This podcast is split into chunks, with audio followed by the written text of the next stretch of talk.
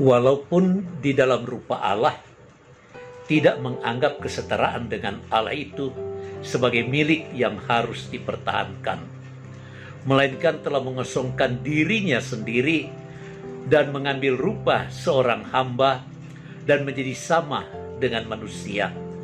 Dan dalam keadaan sebagai manusia, ia telah merendahkan dirinya dan taat sampai mati, bahkan sampai mati di kayu salib. Itulah sebabnya Allah sangat meninggikan dia dan mengurniakan kepadanya nama di atas segala nama, supaya dalam nama Yesus bertekuk lutut segala yang ada di langit dan yang ada di bumi dan yang ada di bawah bumi dan segala lidah mengaku Yesus adalah Tuhan bagi kemuliaan Allah. Filipi pasal 2 ayat 6 sampai dengan ayat yang ke-11. Ketika kita merayakan Natal Tuhan Yesus, maka kita selalu terpaut selalu di kandang Bethlehem.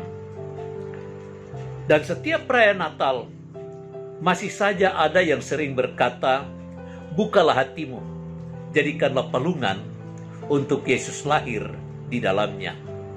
Di banyak kebaktian Natal saya selalu memberikan pesan.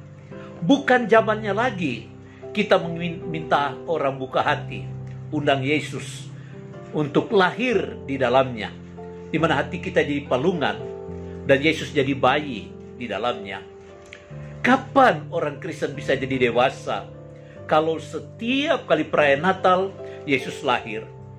Bayangkan kita sudah umur puluhan tahun dan merayakan Natal, Yesus tetap bayi, tetap bayi di dalam hatinya. Kapan dia jadi dewasa?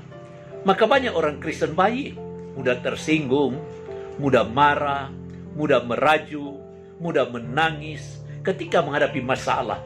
Dia tidak kuat untuk menghadapi tantangan kehidupan yang ada di depan. Kenapa? Karena Yesus selalu diundang jadi bayi. Padahal catatan Alkitab yang kita baca tadi mengatakan dia walaupun setara dengan Allah. Dia tidak mempertahankan kesetaraan dengan Allah itu. Tapi dia mengambil rupa seorang manusia dan menjadi seorang hamba. Taat sampai mati mati di kayu salib. Kalau demikian setiap kali kita merayakan perayaan Natal jangan selalu terfokus di kandang Bethlehem. Jangan selalu terfokus Yesus itu sebagai bayi. Mari kita arahkan hati. Yesus datang untuk menjadi dewasa, menanggung dosa manusia, dan mati di atas kayu salib, supaya manusia diselamatkan dari dosa.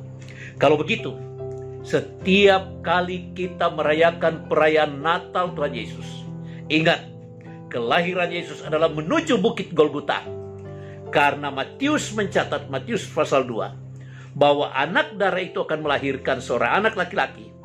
Dia akan diberi nama Immanuel yang berarti Allah beserta kita dan dialah yang akan menyelamatkan umatnya dari dosa mereka. Itu berarti kelahirannya ke dalam dunia ini menuju ke kayu salib.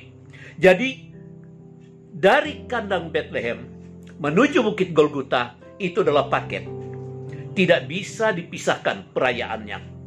Sebab itu, mari kita lihat Yesus sekalipun setara dengan Allah. Dia rela menjadi manusia. Dan dalam keadaan manusia, dia berproses secara manusiawi. Bahkan mati di kayu salib untuk menebus dosa kita dan untuk mengangkat kita menjadi anak-anak Allah supaya kita mendapatkan warisan kerajaan Allah dan kita menjadi orang-orang yang menang. Dan dikatakan Allah sangat meninggikan dia dan mengaruniakan kepadanya nama di atas segala nama. Jadi kedatangan Yesus ke dalam dunia ini untuk mengalahkan semua nama, termasuk nama iblis, nama dosa, nama penyakit apa pun, ditaluhkan di dalam nama Tuhan Yesus. Dan kebangkitannya membuat kita menang dan segala lidah akan bertelut, segala lutut akan bertelut, segala lidah akan mengaku Yesus adalah Tuhan. Saksikanlah, Yesus adalah Tuhan. Natal Yesus memberi pesan pada kita. Dia adalah Tuhan menjadi manusia untuk mengangkat manusia menjadi anak Tuhan. Amin. Tuhan Yesus memberkati.